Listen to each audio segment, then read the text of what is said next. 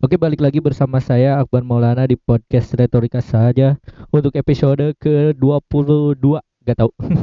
untuk ke-22 di di season yang kedua ini. Sebetulnya udah banyak ya rekamannya di di podcast ini.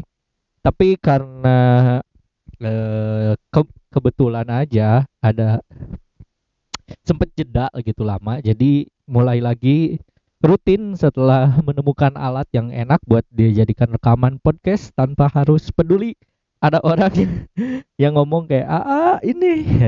Orang rumah manggil gitu kayak sini ini dulu pengen ah pokoknya gitulah. Banyak banyak yang ngeganggu kayak Jol tiba-tiba manggil ah ini popoyan angkat. Gitu kayak aduh ampun ya Allah. Sekarang karena ada eh, alat alat mixer ini jadi saya tidak perlu bingung ya eh, untuk eh, untuk eh ter untuk tidak ada yang ngomong gitu lagi. Jadi kayak ya bodo amat lah gitu. Kalau ada yang dengerin juga ya, kan nggak akan ada di suaranya karena ini udah pakai mixer yang sangat lumayan bagus ya meskipun murah. Eh cukup lah gitu cukup aja untuk untuk untuk jadi ini aja untuk jadi eh ajang ajang, ajang permulaan aja. Ntar kalau misalnya bisa ada duitnya ya mungkin aku, aku kalau gua banget kaya ya gua upgrade lagi sih. Karena ini masih kurang bagus sih kalau dibandingin yang Rodecaster gitu ya yang harganya 8 juta. Ah, gimana kabarnya semuanya? Di di bulan keberapa ya ini? Untuk tayangan bulan keberapa? Gua juga nggak tahu.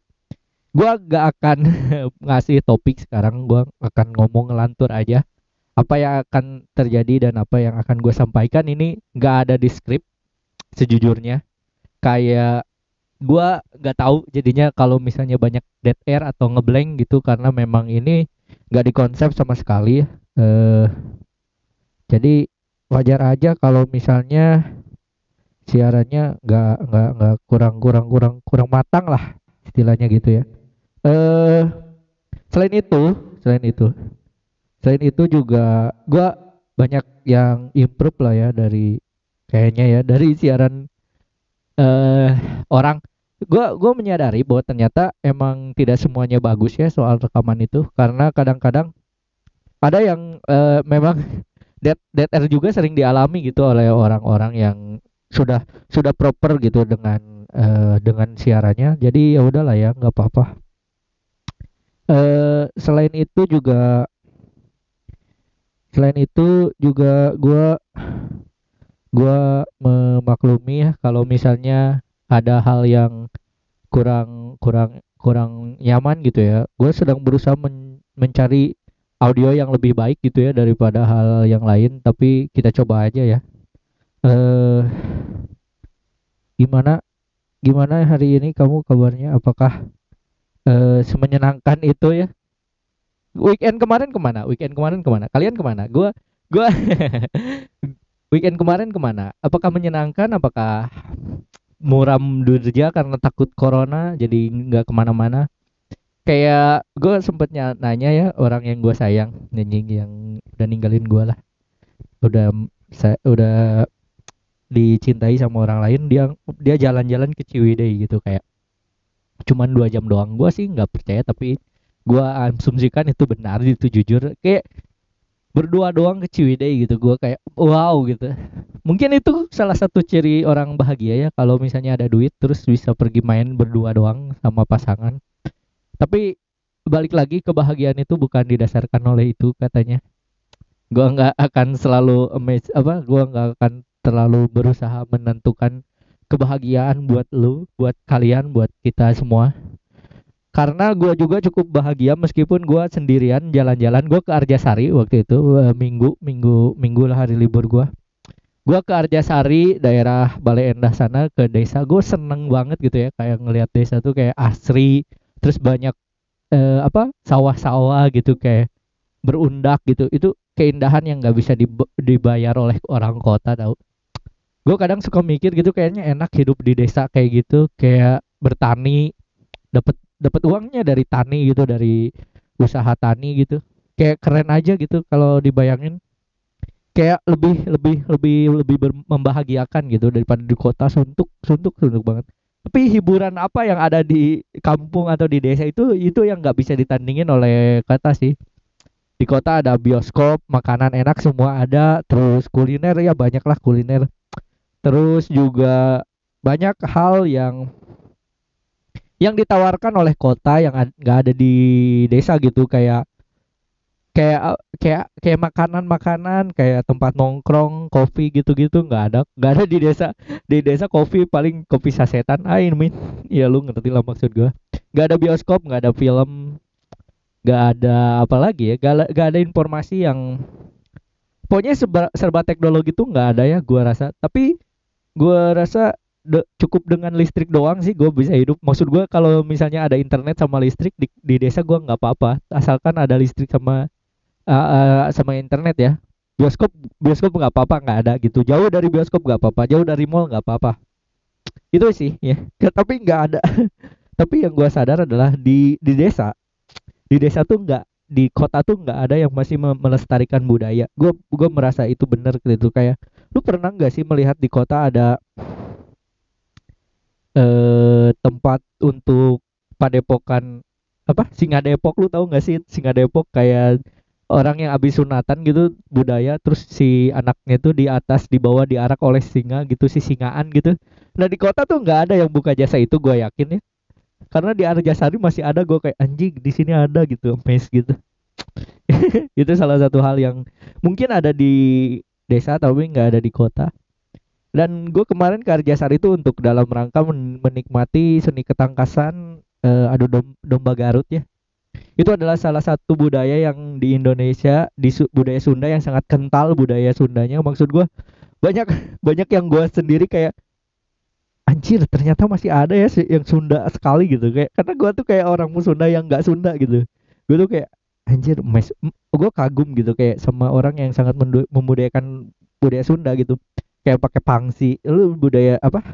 Pakaian khas orang Sunda tahu pangsi? Gue nggak gue gue nggak tahu ya kalian tahu atau nggak pangsi. Terus kayak pakai eh kayak apa sih kopi topinya tuh topi ah Sunda lah gua nggak tahu anjir. Padahal gua orang Sunda Sunda murtad nih anjir gua.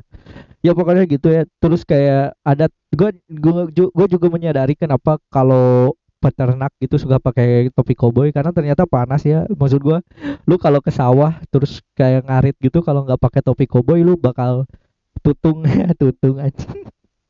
Tutung anjir lu. Maksud gua eh berarak gitu.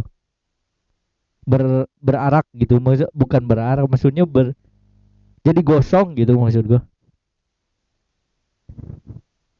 Maksud gua jadi gosong gitu kayaknya ya. Nggak tahu juga gua. Terus eh, di di sana kan ada emang eh, gua nggak tahu ya.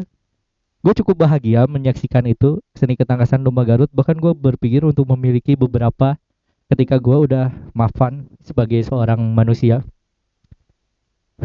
Pengen doang biarin mereka ngerawat tapi gua yang bayarin tiap bulan tiap tahun tiap bulan untuk ngerawatnya gitu bikin bikin punya domba sendiri kayaknya menyenangkan. Gue selalu kagum. Dan gu- dan gue sekalian ya mengeksplor daerah. Maksud gua gue tuh bisa cukup bahagia gitu ya jalan-jalan sendiri ke tempat-tempat yang gak gua nggak mungkin bisa ngelakuin ke sana kalau nggak ada tujuannya. Nah salah satu tujuan yang mungkin gua lakuin adalah eh seni ketangkasan adu domba Garut itu. Budaya apa kegiatan yang kegiatan yang mungkin mungkin masih bisa gua tonton gitu. Karena gua nggak mungkin nonton konser. Karena banyak perempuan cantik gua. Lu ngerti lah ya maksud gua. Kalau nonton konser itu banyak orang yang pacaran. Gua nggak yakin ada orang yang pacaran terus kayak eh ayo kita nonton domba adu domba gitu. Nggak mungkin. Nggak mungkin ada orang yang ngedate dengan nonton adu domba nggak mungkin. Tapi kalau nonton konser tuh mungkin gitu. Jadi gua tidak terasa merasa jones sekali jomblo jomblo sedih sekali ketika di sana. Dan gua nggak yakin di kota juga ada tempat yang untuk per- pertandingan adu domba Garut. Pasti di di pelosok di desa gitu. Dan gua merasa itulah kesempatan gue untuk mengeksplor desa. Maksudnya gue bisa ke mana-mana ke daerah-daerah yang gue nggak tahu. Dan gue nggak ngebayangin gue bakal pergi ke sana kalau gue nggak ada ini gitu nggak ada seni ketangkasan domba Garut. Kayak kemarin gue nggak gue nggak mungkin ke Rancaririp atau ke ke Arjasari uh, dengan niat main doang gitu. Tapi karena ada ini gue jadi tahu gitu bahwa Arjasari itu seperti itu konturnya. Gue seneng tinggalnya. Terus gue juga ke Rancaririp di Ciamplas itu daerah ngerti gak sih? Itu daerah sebelahan sama rum uh, kecamatan sama gue tapi gue nggak pernah ke sana gitu dan gue kagum dengan tempatnya meskipun agak serem ya dia tuh dia tuh kayak me, me, me, me, mengikuti menyusuri sungai Saguling gitu dan itu gue keren sih. Maksud gue itu tuh daerah yang seharusnya lu explore sih. Yang harusnya gua explore sih. Lu harus tahu tetangga lu gitu. Tapi gimana gitu kalau nggak ada tujuan. Tapi salah satu hal yang gua sadari bahwa gua kurang nyaman gua kurang tidak tidak enak gitu ya. Itu adalah eh kalau di desa kalau di desa itu itu tuh kalau misalnya di di ketika gue di sana gitu gue menyadari bahwa gue tuh kurang ngobrol aja gitu. Lu gue gue seharusnya saling so, gue seharusnya saling tanya gitu kayak ini namanya siapa dombanya? Gitu kayak ini dapat urutan berapa? Ini pemiliknya namanya apa? Gitu gitulah sekedar sekedar pengen tahu sekedar berkenalan gitu. Karena kalau nonton doang tapi nggak ada informasi yang didapat sih sedih juga gitu. Ya nggak sih? Kayak ya nggak? Ya ya jadi biar bisa tahu gitu bagaimana seorang se seorang warga atau beberapa orang di situ yang yang yang dihormati juga dan yang mengerti gitu kondisi apa yang biasa menjadi budaya gitu dari uh, apa himpunan pengusaha domba dan kambing Indonesia itu sih. Itu itu itu yang gue lakukan malam minggu kemarin dan eh hari minggu kemarin dan di sepanjang perjalanan gue ngobrol gue mengoceh sendiri dan gue menyadari anjir. Eh uh, apa?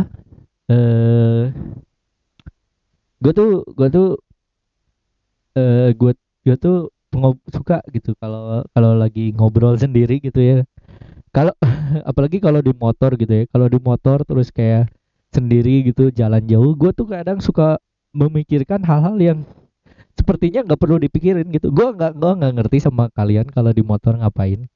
Tapi ketika di motor tuh ketika lu berpikir dapet ide-ide tuh biasanya dari dari sana terus apa pun gitu ya uh, inspirasi dari sana. Kayak kayak kemarin tuh waktu gue pergi ke Arjasari itu ya waktu main ke seni ketangkasan domba Garut tuh gue ngobrol gitu apa ngomong sendiri gitu. Sekedar membahas pod, apa, apa sekedar menganggap ini rekaman podcast aja gitu. Dan banyak banyak hal yang banyak hal yang gue dapat tapi sekarang gue lupa. Nah inilah masalahnya kalau misalnya kalau ngomong kalau di kalau nggak dicatat hari itu kita bakal lupa e, ketika justru diperlukan gitu. Kenapa sih ya? Sesuatu yang sesuatu yang e, yang kita butuhkan tuh selalu hilang gitu. Padahal ketika dibutuhkan tuh ada gitu. Lu pernah gak sih ngerasa sebuah benda tuh sialnya hidup ya?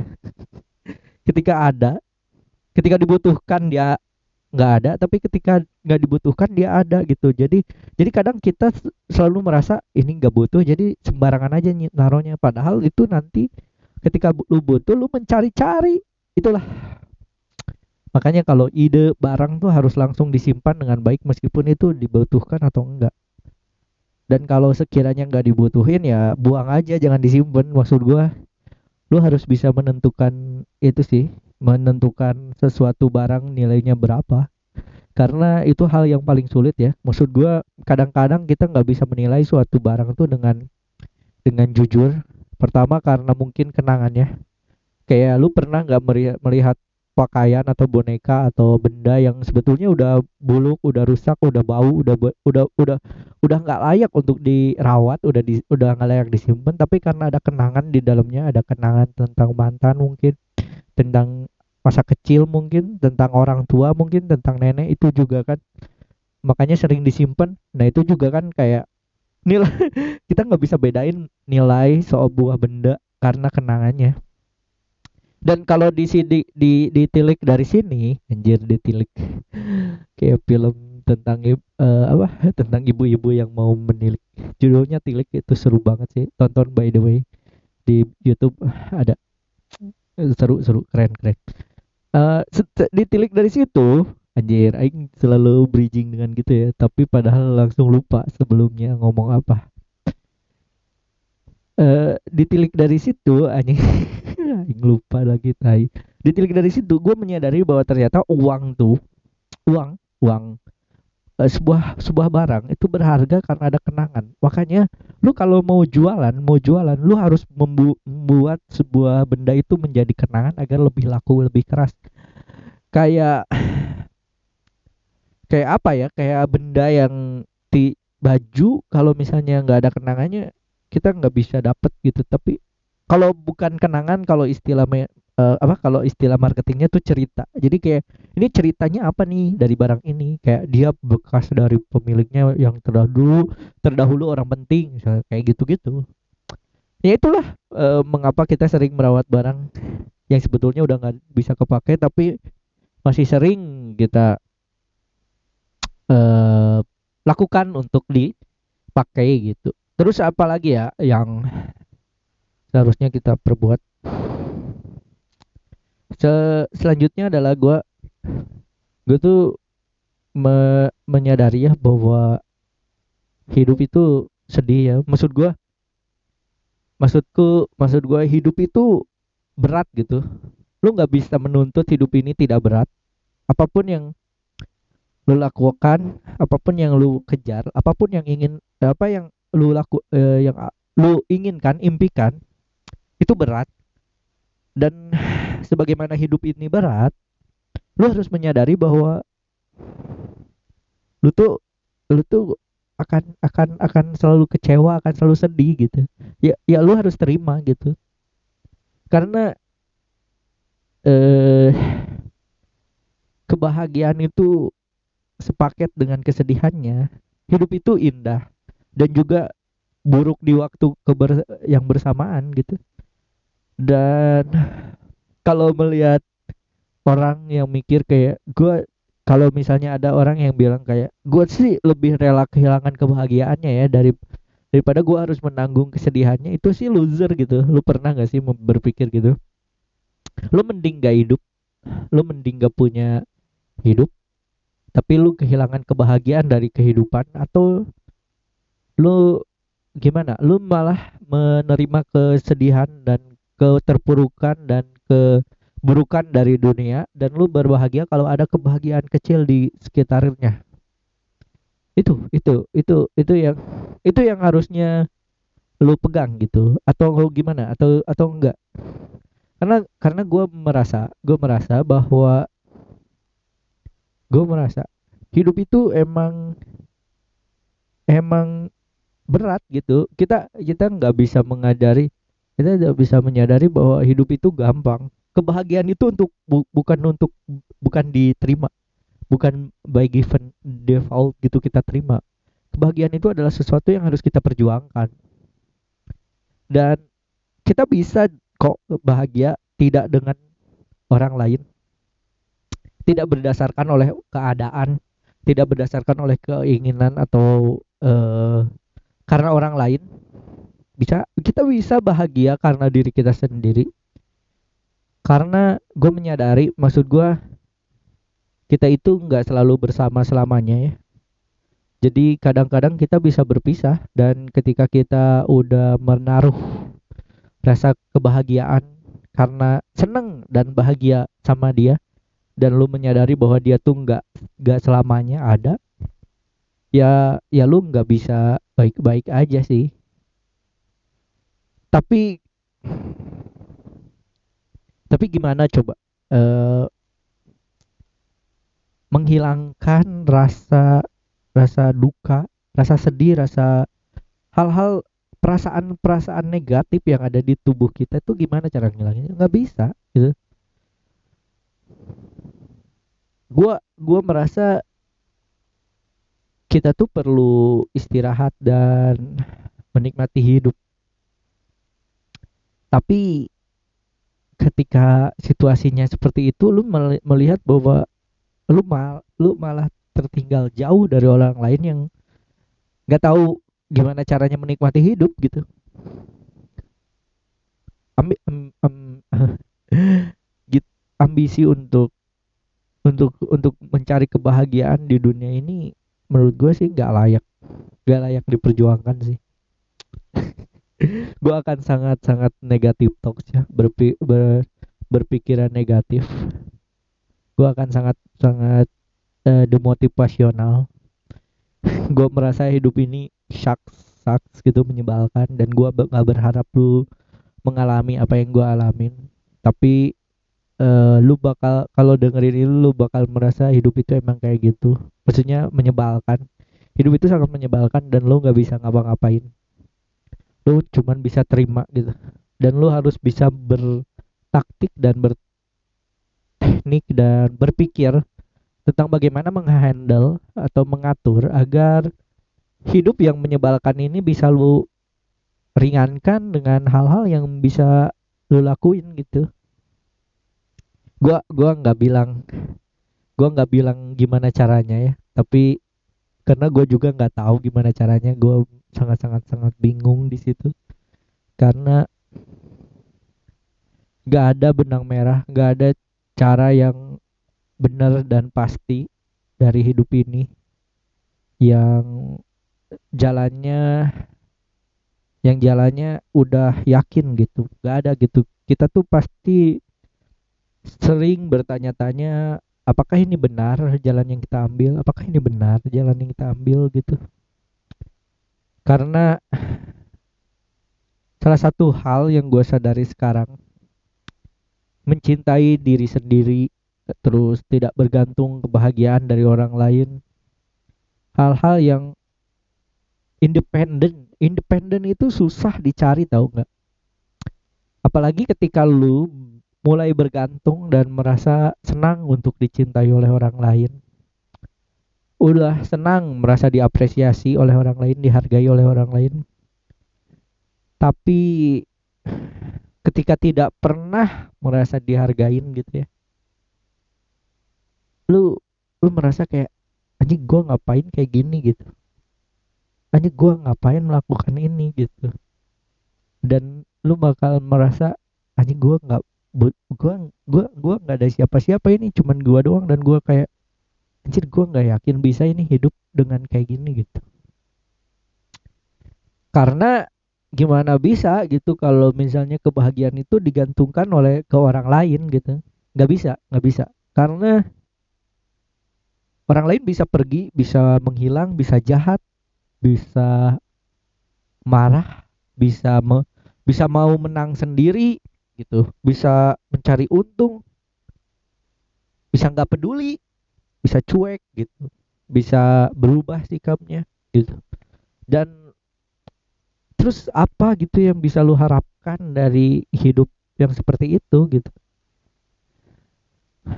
Setiap hari gitu ya pertanyaan pertanyaan kita semua sama gitu.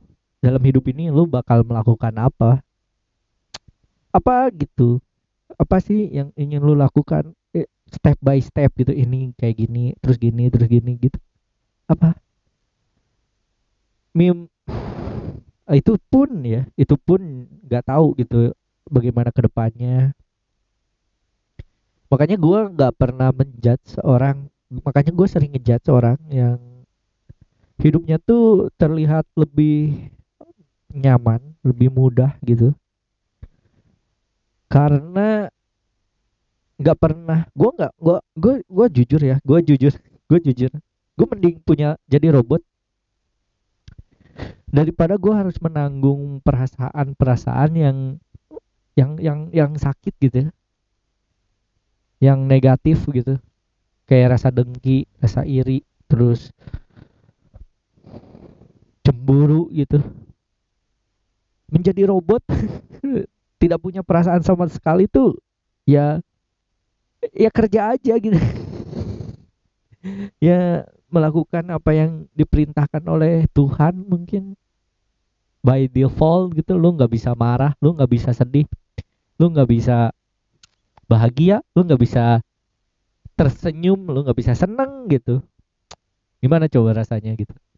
Mending mending hilang semuanya tapi lu mending hilang semuanya kebahagiaan dan kesedihan menjadi robot gitu atau mendapatkan kebahagiaan tapi juga harus siap dikecewakan. Nah itu. Itu sih. Hal yang gua pikirkan dari kemarin-kemarin. Karena gua gua merasa sembuh dari luka sembuh dari rasa sakit tuh memang butuh waktu. Dan lu nggak bisa mungkiri itu. Mungkin butuh waktunya yang lama banget. Dan gua nggak yakin maksudnya gimana caranya kita bisa bangkit. Dan gua nggak gua juga bingung gimana caranya biar bisa bangkit gitu. Karena ya ya ya gimana gitu nggak tahu nggak tahu nggak ada caranya untuk bisa bangkit. Kecuali gue nggak ya nggak tahu ya. Eh orang-orang yang ditanya lu bahagia nggak sih? Gue nggak yakin sih. Jawabannya akan sama. Ya aku bahagia. Nggak menurut gue menurut gue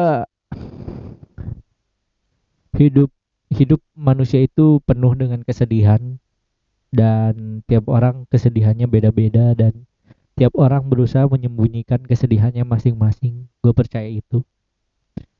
Jadi gimana coba kita bisa menyadari bahwa kita tuh bersedih gitu tapi kita bisa tetap tersenyum? Meskipun ada kesedihan yang selalu mengenang kita yang selalu mengekang kita gitu tiap hari. Itu itu adalah teknik taktik yang harus kita kendalikan dan harus kita jalani sepanjang hidup kita.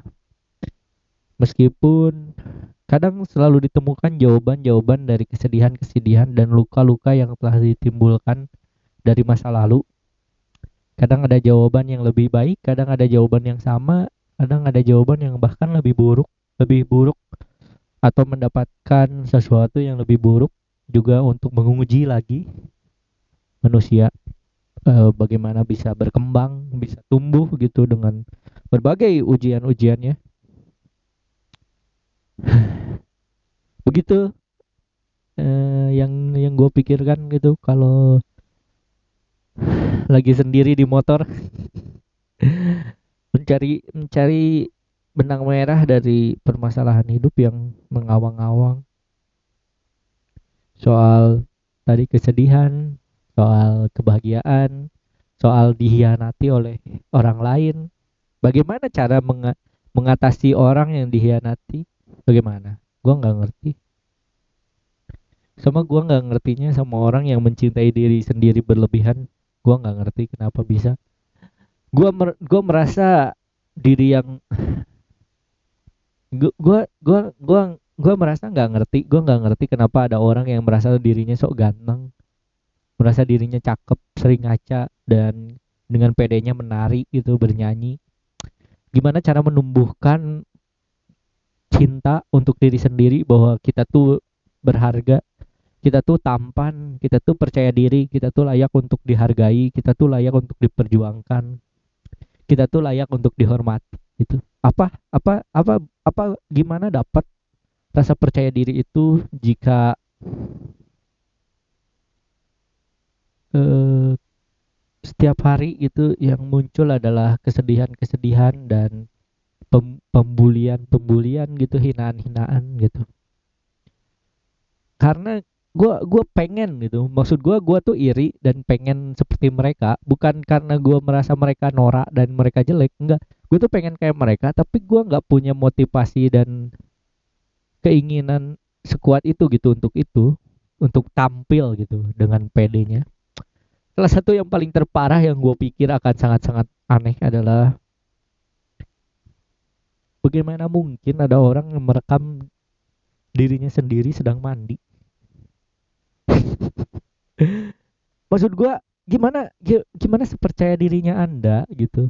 Apa bagaimana se sepercaya dirinya anda ketika anda mencintai tubuh anda sendiri dan kemudian anda merekam diri anda mandi gitu? Gue nggak ngerti sih. Gue nggak ngerti kenapa. Mungkin mungkin mungkin dia ingin menciptakan tutorial cara mandi yang benar terus di share gitu. Tapi maksud gue ya ya masa nggak ada orang yang ngajarin mandi sih? Mungkin juga tempat baru suasana baru jadi pengen nyobain gimana cara rasanya. Gua nggak ngerti. Gua nggak ngerti sumpah kenapa bisa ada orang yang merekam dirinya mandi. Aneh bener. Terus apalagi ya orang yang gue juga tapi gue juga pengen gitu punya kepercayaan diri untuk tampil untuk merasa diri lu keren gitu merasa diri, diri lu layak dihargai. Gue nih ya bikin instastory tiktok aja gue tuh minder asli. Gue tuh kayak aja gue ngapain sih kayak gini? Kayak kayak gue ngapain sih kayak gini? Gitu kayak eh kenapa? Gitu. Ini ini penting gak sih? Gitu kayak aja malu-maluin tau norak gitu. Gue tuh kayak punya ada uh, omongan kayak gitu. Padahal mereka asik-asik aja gitu ya melakukan bahkan mungkin viral. Banyak yang tertarik dan doyan gitu. Mungkin ini karena gue sangat mungkin gue ini karena iri aja sama mereka ya. Mungkin ya. Karena mungkin gue nggak dibesarkan dengan rasa percaya diri sebesar itu mungkin ya terakhir dari gue pesan gue adalah gue merasa hidup itu berat dan lu harus setuju dengan ini. Hidup itu berat dan lu harus terima hidup itu berat. Lu lu mudah untuk lu lu harus menyadari bahwa hidup itu penuh kekecewaan penuh luka penuh kesedihan. Lu juga jangan pernah menaruh kebahagiaan untuk kebahagiaan lu kepada orang lain karena orang lain bisa berbohong bisa jahat bisa bisa tidak ada bisa meninggal bisa mati gitu. Lu nggak bisa selamanya sama dia. Dan ketika perpisahan itu menimbulkan luka karena lu merasa lu menaruh terlalu dalam ketergantungan atau kebahagiaan lu kepada dia lu akan menye merasa menyadari lu tinggal sendiri ketika dia atau orang itu nggak ada. Jadi lu harus siap ketika lu menerima untuk bersama dia juga lu harus siap untuk ber berpisah dengan dia suatu saat. Juga karena lu harus mencintai diri sendiri lu harus sadar kadar kadar lu mencintai diri sendiri harus jangan berlebihan ya karena itu akan terkesan norak tapi gue nggak tahu ini benar atau enggak. Tapi yang gue rasa mencintai diri sendiri sampai merasa pede dan takabur atau ujub dengan tubuhnya juga tidak tidak baik mungkin ya. Karena rendah hati itu beda dengan percaya percaya diri dan tinggi hati itu beda gitu. Percaya diri dan tinggi hati itu beda. Jadi jadilah cintailah dirimu sendiri tapi jangan sampai tinggi hati sampai merasa diri lu lebih baik dari orang lain. Tapi juga janganlah merendah dan mencintai orang lain dan menggantungkan kebahagiaan lu sendiri terhadap orang lain karena eh menci apa tadi tuh gua mau bilang apa mencintai orang lain juga berlaku sebaliknya bahwa kekecewaan, kesedihan itu datangnya bisa dari orang lain. Orang lain bisa memberikan luka kepadamu gitu. Jadi cintailah dirimu sendiri tapi jangan berlebihan. Jangan juga rendah hati dan jangan pula rendah diri karena mungkin kamu nanti akan dimanfaatkan dan diinjak-injak oleh orang lain. Intinya hidup itu memang harus jadi robot. Gak punya perasaan apa-apa hanya menikmati hidup dan menjalaninya tanpa ada tanpa ada rasa. Dan mungkin karena itu juga resikonya kamu tidak akan mendapatkan kebahagiaan kesenangan dan pikiran-pikiran positif lainnya tapi juga kamu tidak akan mendapatkan pikiran-pikiran atau emosi-emosi negatif jadi impas. Tapi kalau hidup lu pengen berwarna hidup lu pengen lebih lengkap lebih sempurna ya lu harus menyadari bahwa perasaan-perasaan dan emosi-emosi itu akan selalu ada baik itu positif dan negatif. Dan bagaimana cara kita menghadapinya aja yang menentukan bagaimana kita menjalani hidup. Anjir keren gak mungkin itu aja untuk kali ini. Uh, terima kasih untuk yang mendengarkan nama gua Akbar. Sampai ketemu lagi di episode selanjutnya. Uh, selain itu gua tadi mau bahas apa ya? Terakhir dari gua. Tadi itu apa ya? Selain uh, menjadi robot juga gak ada. Anjing lupain tadi mau bahas apa. Pokoknya ya itulah. Pokoknya terakhir sampai ketemu lagi untuk episode selanjutnya. Uh, saya Akbar Maulana pamit. Selamat. Dadah